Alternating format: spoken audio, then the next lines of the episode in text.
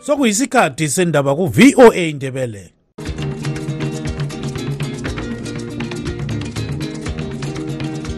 amatshono zihlobo siyalamukela kuhlelo lwethu lwezindaba eziphathelane lezimbabwe kustudio 7 eya voice of america sisakaza sisewashington dc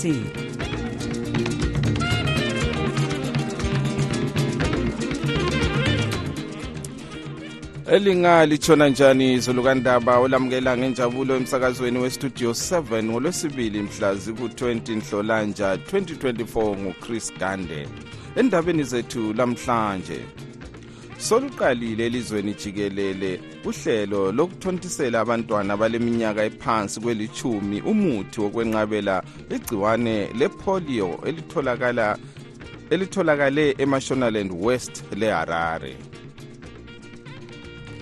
Kulequla le-southern african development community isadak elethekelela ezimbabwe okulamalunga ebandla lezanu-p f aseqolotsha ethakazelela ukuba umongameli emerson mnangagwa uzabamba isikhundla somgcinisihlalo okwesikhatshana.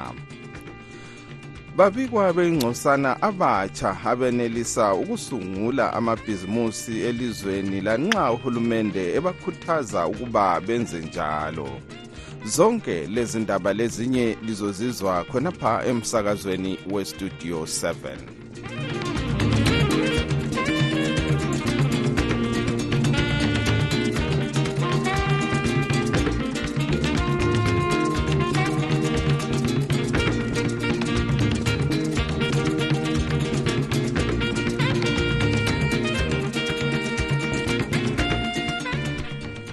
kulequla le-southern african development community isadak elithekelela ezimbabwe okulamalunga ebandla lezanu-p f aseqolotsha ethakazelela ukuba umongameli emerson mnangagwa uzabamba isikhundla somgcinisihlalo okwesikhatshana.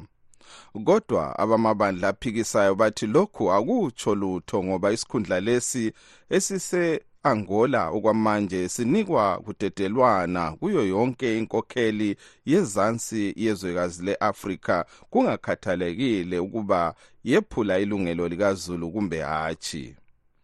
Abaphikisayo balokhu bekhala ngempumela yokhetho olwaqutshwa nyakenye besithi bafisa ukuba isadak ikhangele udaba lolu hatshi okwesikhundla sikamgcinisihlalo wesadak isadak ikubeke sobala nyakenye ukuba kaluqhutshwanga ngemfanelo ukhetho kodwa lokhu kungalungisiswanga ngabantu bezimbabwe ngokwabo.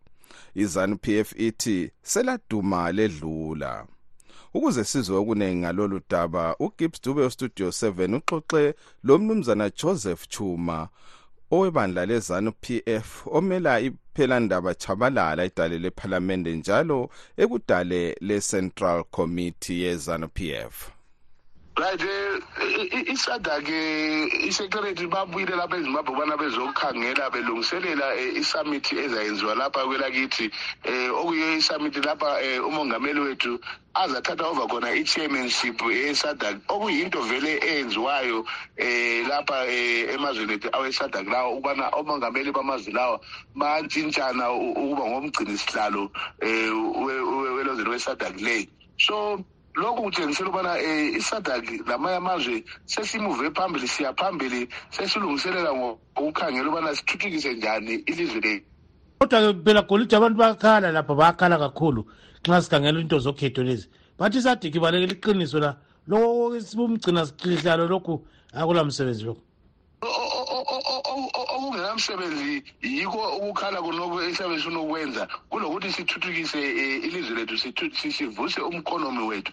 Ngoba lizopha lethu sonke lilungelo lethu sonke even abe-opposition bona umsebenzi wabo ukuthi ngabe babuya le-alternative ukubana bethi right thina nxa kubhende lapha sibona ngani ngabe sihamba ngale ndlela nxa kungahambi kuhle lapha sibona ngani ngabe kwenziwa ngale ndlela yiwo umsebenzi wabo. Hatshi ukubana bebe behlala befuna ukukhala ngokhetho osoludlulile. Bona iproblem bekuthi ukhetho balufuna um ukuthi bethi kona lulungile nxa kuyibo abanqobileyo kuphela. Okungayisikho khona nxa usiya ekhethweni um kulempumela ezimbili um either uyanqoba kumbe uyanqotshwa. Nxa unqobile thaba u- u- u- ubusu- ubusuphuma ekuthabeni uqase u- u- u- u- ukulungisa ilizwe nxa unqo- unqotshiwe um ye ungakhala akuyaleshwa kodwa khala phela ubu- ubusunjani ungasalahli imbeleko ubuye silungise ilizwe sindawonye yikho kumele kwenzakale khonokho. Kodwa-ke phela lapha bathi ukukhala ezimbabwe kuyafana lembuzi ekhale ilandwa amakhanka ngoba kula muntu oza kulalela kuyaphelela endleleni nje.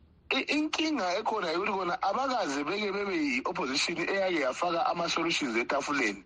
Ukuthi hhayi lokhu ku- ku- kuba nje kube ngale ndlela ngabe sikwenza ngale ndlela ngoba yiyo injongo e- e- ekuba le-opposition um it's a, it's a government in waiting It's- like i-shadow government. Okusho ukuthi kona kumele ngabe bathi kona bona hhayi nxa i-exchange rate ibheda i- i- imi kanje so ngabe siyenza ngale ndlela and then kubonakala ukuthi hawu amaso abo ayasebenza for sure.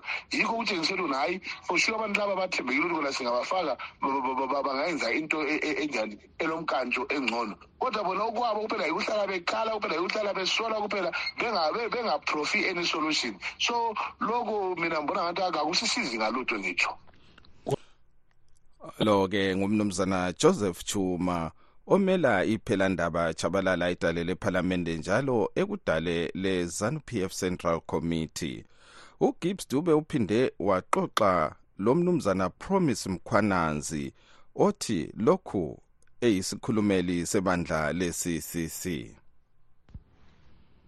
akulabantu abathakazelela indaba yona leyo abantu bahlubukelwe kakhulu ngapha ezimbabwe ngesizathu sokuthi abantu bakhangelele ukuthi isadaki ibe le ndlela zokujezisa laba ababe behlulekile ukupasa-ke um singathi imithetho eyayifakwe yisadaki enjengama-sadaki guidelines of free and fair elections ngaba yi-economy ngaba yindaba zama-human rights. Nxa isadaki ethe izimbabwe ayipasanga njengokwenzakalayo ukuthi isadaki ithi yona ezimbabwe yehluleka ukhetho ukugcwalisisa-ke imithetho yesadaki kutho ukuthi isadaki bekungamelanga ukuthi ifake umnankagutha che ukutshengisela ukuthi nxa umuntu engephula imithetho yesadaki isadaki ilamazinyo iyaluma lapho kuphanjaniswe khona. Kodwa-ke ikhanyazana abakubandla lezanu p f batshaya ingquzu lapha bathi hhayi okhetho phela vele seladuma ledlula. Njalo ukuthi ukuthi umnanga kwangena esikhundleni se-sadic chairmanship kuveza ukuthi ilizwe liqhubekela phambili njalo ezokhetho lezi hhayi likhohlwane ngakho. Lani liyaxokozela khonapho daba yokungena kukamnakagwayelane lo dispute ekhona ekhethweni? It's just a rotational bekuvele kumele kungene ezimbabwe.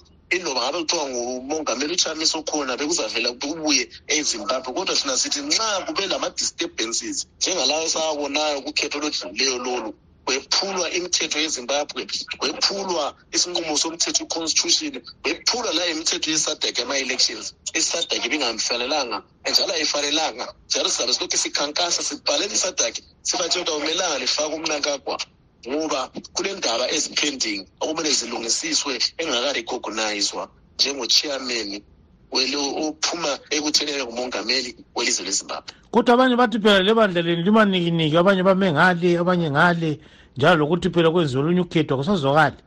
Lina lithini ngakhonoko akulanto emanikiniki. Ukhetho lolu lwenziwa phakathi kwamnumzana omnankagwa lomnumzana ochamisa nxa lulokuphindwa yiwo ama-presidential candidates abemele abhuqane ekhethweni olumgceke olu-free and fair. Um njalo lokukhuluma ukuthi ubaba uchamisa ayisiyemkhokheli we-triple c kuphela umkhokheli welizwe lonke. Um ungaphezu kwe-triple c umkhokheli we-democratic movement yonke jikelele ilizwe lonke jikelele kodwa kuthiwa kade singasela bandla phela usemeqekele khonali katshana so uyaba umkhokheli njani baba mkhona ukukhokhela kudinga ibandla ukukhokhela nxa sikhuluma ngokukhokhela sikhuluma ngokukhokhela abantu um ungaba lesibaya kodwa nxa ungela nkomo fana nokuthi kungabi lesibaya kungcono. Lapho esikhona daba yokuthi khona ilokhuza ubaba uchamisa nguye olabantu ilizwe lonke izimbabwe yonke. Ngakhonokho yibo ubukhokheli ubukhokheli ngabantu ubukhokheli ayisobandla nxa engavuka namhle efake elinye ibandla ame lapha wonke umuntu uyakuthi ukhona ngale kodwa lapho esikhona kathesi ayisayondaba amabandla lo-ke ngumnumzana promise mkhwananzi othi elokhu isikhulumeli sebandla le-ccc uke wazwakala esithi nguye osokhekhela leli bandla ubexoxa lo Gibbs Dube Studio 7 eseHarare.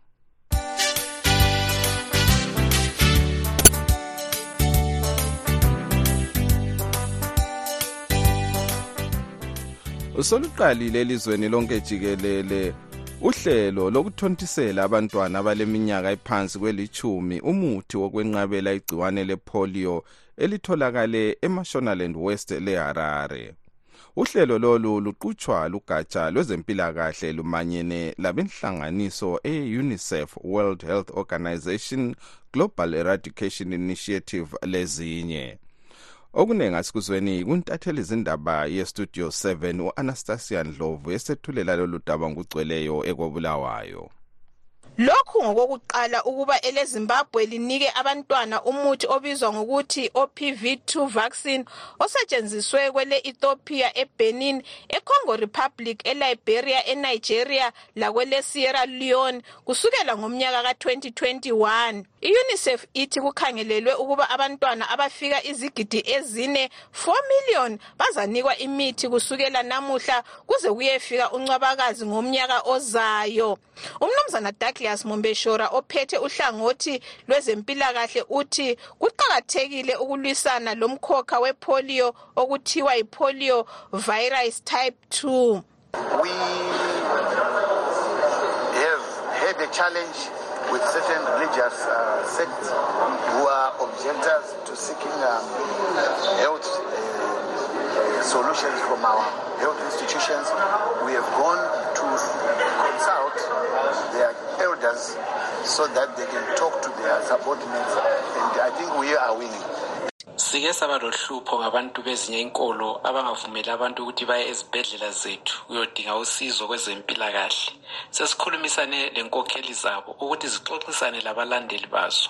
Uhlelo lwe-novel oral poliomyelitis vaccine 2 luqhutshwa emakilinika lezibhedlela. Omunye wabaphethe uhlelo lokunika abantwana umuthi wepolio ngumkhokheli wabongi kukhansili edolobho lakobulawayo. Unkosikazi sithokozile hobe.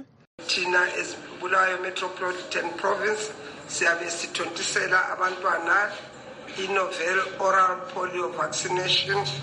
Sikhangelela ukuthontisela 214 586 abantwana nge-four days lezi ezilandelayo. Omunye wabokuqala ukuhambisa umntwana ekilinika ngunkosikazi josephine hassani okhonza e-africa apostolic church komaja echabalala clinic. Ngibakhuthaza ukuthi kababuye labantwana ngoba abantwana bamapostoli abaningi bayaphela ukufa ngenxa yokuthi kabavikelwa. Kababuye labantwana babo amapostoli bazotontisela akubulawa abantu lapha esibhedlela.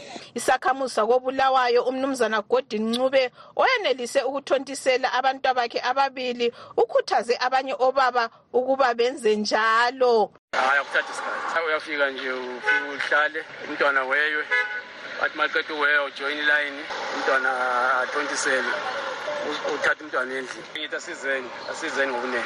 Isakhamuzi senyamandlovu unkosikazi sibonye inkosi bhebhe uthi bahamba umango omude besiya esibhedlela njalo uhlelo lokuthontisela belungakafiki emangweni wabo uhle wathatha leli thuba ezohlolisa umntanakhe ukuthi ahle athontiselwe. So ngasivelele ngilo hambo lwami lokuza esibhedlela nxa ukuthi isibhedlela sethu zikhatshana kasilazibhedlela sihambe ilanga lonke nxa sisiya esoluthi singasuka ngama-four siyafika ngabo-ten ngomnyaka odluleyo ngomfumfu uhulumende ubike ngokufunyanwa kwepolio esanyathi emntwaneni oleminyaka engaphansi kwelitshumi elezimbabwe lagcina ukuba labantwana ababanjwa ipolio ngomnyaka ka-1989 kuthi ngomnyaka ka-2005 izimbabwe yatholiswa imendulo ilizwe eseliyenelise ukuwuqeda umkhuhlane wepolio kulandela uhlelo lwayo oluqinileyo lokuthontisela abantwana umuthi wamavaccine. Ngimele umsakazo westudio 7 ngikobulawayo ngingu-anastasia ndlovu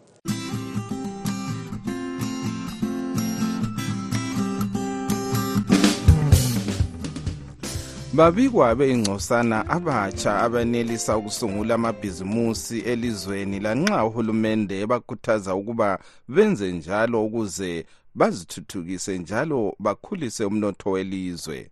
Okuningi asikuzweni kutobias mudzingwa eseharare. Iningi labasakhulayo babikwa bethikaza ukuqhuba amabhizimusi ezimbabwe besithi bayesaba ukugcina belahlekelwa yimali kodwa kulabanye abaqunga isibindi bezame ukuvula amabhizimusi. Ujacob zikhali ohlala kobulawayo ngomunye wabafake imali emakhwapheni besesaba ukuvula ngayo ibhizimusi. Okuhlupha yikuthi umnotho welizwe awubonakali ukuthi uyangaphi. Ngesinye isikhathi izinto zingcono kodwa ngesinye ziyabe zibheda. Le mali yakuleli iphela amandla nsuku zonke. Ngisuke ngizibuza ukuthi pho ngingaqala okulibhizinisi kwami? Ukuzaphila yini okwesikhathi eside nxa i-economy inje? Kungcono ngisebenzise imali leyo ukwenza other things. Baningi abakusimo lesi abathi kuyehlula kwelezimbabwe ngenxa yesimo esibi somnotho kanye lesombusazwe ngakho-ke akucaci ukuba liyangaphi ilizwe. Loba kunjalo kulabatsha abasungula amabhizimusi elizweni. Omunye wabo ngurumbidza ematonga ohlala echegutu ukuswela into ozenzelayo wena wedwa kusho ukuthi iminyaka yokuhlala endlini ungela msebenzi izabe iningi kungaba liqiniso ukuthi ayisikho sonke esenelisa ukuba ngosomabhizimusi. Kodwa manje singenza njani? Yikho ubona ukuthi thina lapha ezimbabwe abantu abaningi vele silamabhizimusi amancane ngoba imali yethu yabe ilutshwane but yikho lapho yabe ukwanisa ukuthi engxenye uzuza imali yokudla imali yokuhambisa abantwana esikolo imali yokwenzani usikhonzile khumalo ohlala kobulawayo. Uthi sewasungula elakhe ibhizimusi. Mina ngilungisa ama-key holders ngimathengisela abantu nje ezama-companies it's been four years ngisenza lokho and kuyangiphilisa. Nxa ekhona ufuna laye ukuqala okwakhe ngingathi kuye start small. Amabhizimusi ethu abasakhulayo afuna ukuthi siqale ngokuncane siye sikhula mbijana mbijana. Kodwa kuyenzeka lapha ezimbabwe loba ziwomile izinto. Uhulumende okhanga ukuba abatsha besungule amabhizimusi usebenzelana lebhanga le-empower bank eboleka abasakhulayo imali. Umnumzana ofas dube umsekeli wenkokheli ebona ngemisebenzi kugatsha olubona ngendaba zabatsha uthi kunengi okwenziwa nguhulumende okhanga abasakhulayo ukuba bevule amabhizimusi kwelezimbabwe. I-ministry of youth ilamathuba akhona amaningi kwabasakhulayo. Izikolo zokufundisa imisebenzi yezandla esingathi ngama-vocational training centers. Lapho abasakhulayo abakhuthazwa ukuthi baye khona beyefundela imisebenzi yezandla. Njalo siyafundisa ukuphathwa kwamabhizinisi. Sile-zimbabwe youth council ekwenzayo lokuthi nxa befuna ukurejista amabhizinisi abo asebenzi asemthethweni siyenza njani? Konke lokho siyakufundisa. Loba kunjalo ingcwethi ecubungula ezonotho lezombusazwe okunhlanganiso ebona ngamalungelo abathengi e-national consumer rights association umnumzana efi ncube uthi nxa umnotho welizwe ungaqhubeka umubi kangaka uncedo lukahulumende kalusoze lwaphathisa abatsha.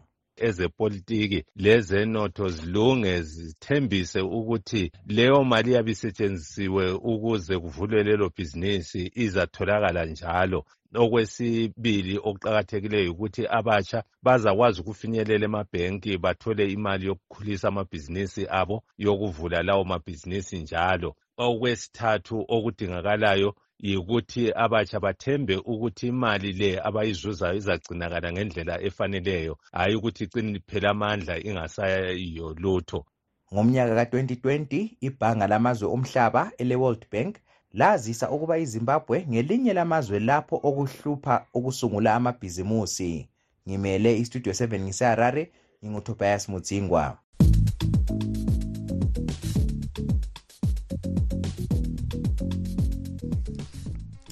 izitolo eziningi emaphandleni lasemadolobheni kazisamukeli idola lezimbabwe ngenxa yokugugudeka kwesisindo salo okubangelwa yikuswelakala kweziqondiso eziqinileyo zokulisebenzisa kahle. Osomabhizimusi bathi kalisathengi lutho idola leli. Ngakho-ke sebefuna elemelika loba litholakala nzima emphakathini. Ubathabile masuku siphalo ludaba ngokugcweleyo ekobulawayo ukugugudeka kwedola lezimbabwe okuqhubekela phambili lokuswelakala kwedola leli kwenza kube nzima ukuba abantu bethenge isinkwa lokunye okudliwa nsuku zonke. Ayisatholakali intshintshi emavinkilini ngenxa yokugugudeka kwesisindo sedola lezimbabwe.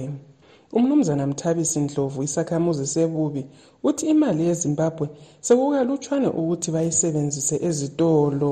Kuthengeni lasekuthengiseni wonke umuntu ubiza imali yangaphandle nxa uhlangane lomuntu othengisa ulutho. So inkinga esihlangana layo yona leyi um ezimbabwe sihola ibhondi um lisekhadini kalisasebeyisebenzisa ama-credit card sokalutshwane ukuthi siwasebenzise ngoba ma usebenzisa i-credit card ucharjwa more than iprice ekhona ku-item yona leyo uyabe ufuna ukuyithenga. So yi-challenge esihlangana layo njengabahlali bezimbabwe. Umnumzana amos sikhosana isakhamuzi sematopo uthi imali yakuleli ayisasebenzi kibo ematopo ethi abezitolo bafuna eyemelika kumbe irand. Lapha esigabeni sakithi imali le yangaphandle le abayibiza bathi yi-foreign currency yiyo esebenza kakhulu iyasebeyiphatha ukudlula le imali yakelakithi yizo imali esesizisebenzisa esigabeni sakithi lapha emakhaya. Xa ungena ezitolo intengo zakhona seziyiyona leyo. Ye sesidinga usizo lokuthi ma sisizakala sisizakale. Siphethe yona le imali yemalika. Usomabhizimusi umnumzana ndalwenhle ndabezwe uthi imali ye-rtgs ayisavumi ukuthi iqhubeke isebenza ikakhulu kulabo abenza ibhizimusi ngoba awungeke uyewoda impahla ngedola lezimbabwe. Inhlupho lemali ezimbabwe likhulu kakhulu ngoba abantu bavele abasasebenzisi bona imali yalapha sebekhetha bona ukusebenzisa ama-us dollar ngoba amarandi ungakuthwele i-r t g s irate yakhona iyabe intshintsha isikhathi ngesikhathi kuyabe kungasavumi um ukuthi uqhubeke usebenza ngalolo hlobo. Umqondisi we-national consumer rights association umnumzana effort ncube uthi abantu bezimbabwe kabasela themba le mali yakibo. Abantu bezimbabwe imali yezimbabwe kabasayithembi kabayifuni kayigcini nzuzo kayithengi ngendlela efaneleyo ilahlekelwa ngamandla. Yingakho besebenzisa imali zangaphandle ikakhulu idola lemelika ukugada ukuthenga ezitolo ezinkulu ezincane. Lohulumende kanti laye yiyo ayisebenzisayo vele nxa ithengisela abantu okuthile. Ngakho-ke yiyo vele esisebenza ilizwe lonke. Kanti-ke lalaba abaswayiphayo baswayipha besebenzisa yona imali yemelika le yasezimbabwe hhayi akula muntu oyifunayo vele. Umnumzana stevenson dlamini ingcwethi kwezomnotho uchasisa indlela ezingenziwa ukuze abantu bayethembe imali yakibo ye kulento esivame ukuyibetha ngokuthi yi-de facto dollarization lapho ilizwe elizithola lingatshongo okusemthethweni selidolarize kodwa lithole isimo somnotho sesivele sesiguqulile sesivele sisebenzisa umnotho wamanye amazwe. Akula kwethembeka emalini yakithi abantu abayithembi. Kuyafunakala inguquko enjengama-currency board e, eqhathwayo ibe ngelusa isimo somnotho welizwe lethu. Kuvumakala ukuthi kwesikhathi esifitshane sike sisebenzisa imali yamanye amazwe ngapha kusalungiswa indlela e, engathi ingahlala isikhathi eside lo nyaka kusukela ngozibandlela idola lakwele zimbabwe seliwe isisindo okungaphosa kufike kumachumi amahlanu ekhulwini i-47 percent kusiya phezulu.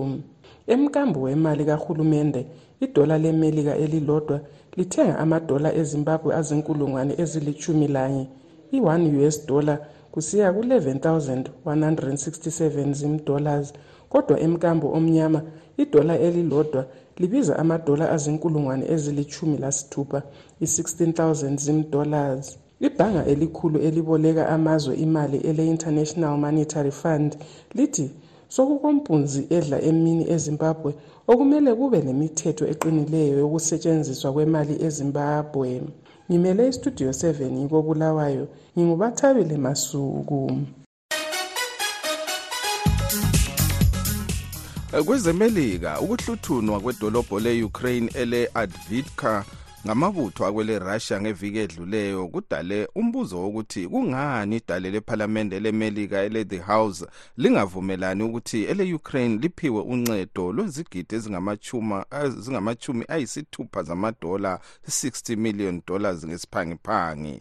Ukuhlaziya lolu daba sixoxele olandela ezombusazwe wemelika umnumzana mkhululi ndabambi yabona uputin uputin wasebenza kakhulu ngelaphana ngesikhathi saka-obama waphanda wagebha waphanda to make inroads into american politics. And bonke uh, abantu who had any inkling of okuyi-racism kumbe wabaqhwebekayo into khona ngapho baze benza ibale lithi obama. Nxa sobabesithi obama babengane bayathethisa. Omnye wazothi hey hey bakithi it's president obama. Um so uputin wasebenza wemba kakhulu ngesikhathi sika-obama to turn so that anyone that didn't want i-progressive politics he used it to make ama-inroads so abantu abaningi lapha bakhuluma ilanguage kaputin so ukwehluleka ukuthi i-america inike izikhali it shows just how much she has achieved. And uh, ukuthi nje yena uputin ngoba irussia wawusithi irussia americans fell in line. Vele behle bethi no against russia. Khathesi uputin ulama-mouthpiece he doesn't have to say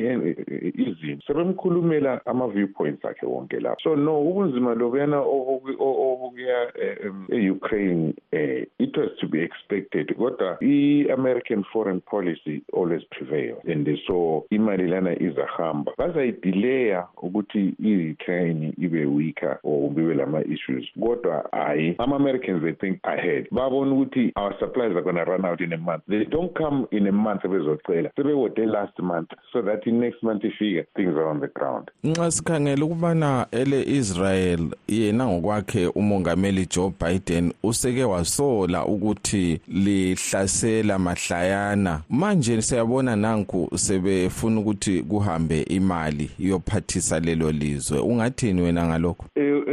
Imali ehambayo kande unanzelela ukhumbula ukuthi iphathisa bobabili ama-israyeli lamagazi imali izishunqa zihamba one kuthiwa israyeli ihambe ebhomba. Two kuthiwa bona labo babhombayo nansi imali yamabhandishi kumbe kumbe ngeyani egaza yena leya but whatever theyare doing abakufaka egaza israyeli iyabhomba. Uh, so no imali ikhona egaza ihambile lakho futhi le israyeli i-israyeli kayisoze le-amerika kabasoze beshukane ayikhona khathesi kungabe you know we know the bible says when the real Jews get to Israel, there'll be peace in the world. So we ask ourselves, who are those people? But Israel, America, you know, isivuno sangapha lesangapha.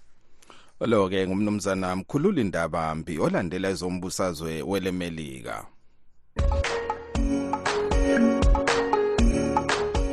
okwamanje ke sizwe imbono yenu lina balaleli bethu studio 7 studio 7 linjani bakithi hayi thina siyaphila. Heyi hayi into engiyibonayo into engiyezwayo eyenzakalayo ekhaya. Angiboni ukuthi yinto elengqondo. Kulabantu ngokuthiwa bangabo lokhu belokhu betshintshana after three months after three months baye beyenzeni kade anti kubevele ngani nguye ozibambileyo nguye uchabangu sephumile senika abanye. Ee uchabangu usile ye sibingelele enkundleni. Ye hayi lokhana kungayithusi abantu kucacile lokhuyana. Um umsebenzi kachabangu eh sesebenzile uchabangu yinto ayevele iqhatshelwe izano ukuthi khona izakwazi ukwengezelela isikhathi sikamongameli. Yikho umsebenzi kachabangu wayewuqhatshiwe ngoba kulolu khetho njengoba yayingayitholanga i-two thirty majority manje bazasiguqula isisekelo sombuso ngemisebenzi kachabangu hayi futhi uchabangu lo angazi ukuthi wasivelela kuphi shefu studio seven studio seven. Sanibonani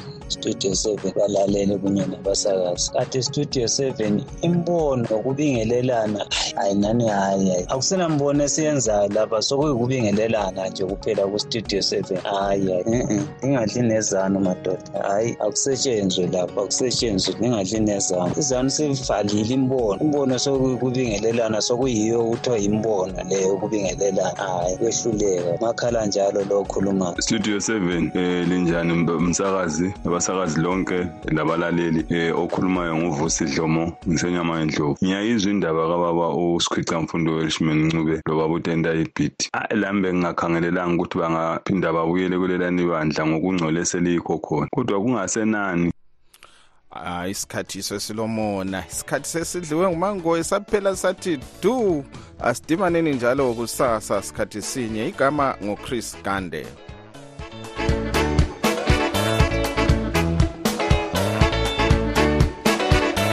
Siyalibonga ngokulalela kwenu. Asibeke ithuba elifanayo kusasa kustudio 7 kusukela ngo-half past 7 kusiya ku-8 o'clock ntambama kuhlelo lwezindaba zezimbabwe.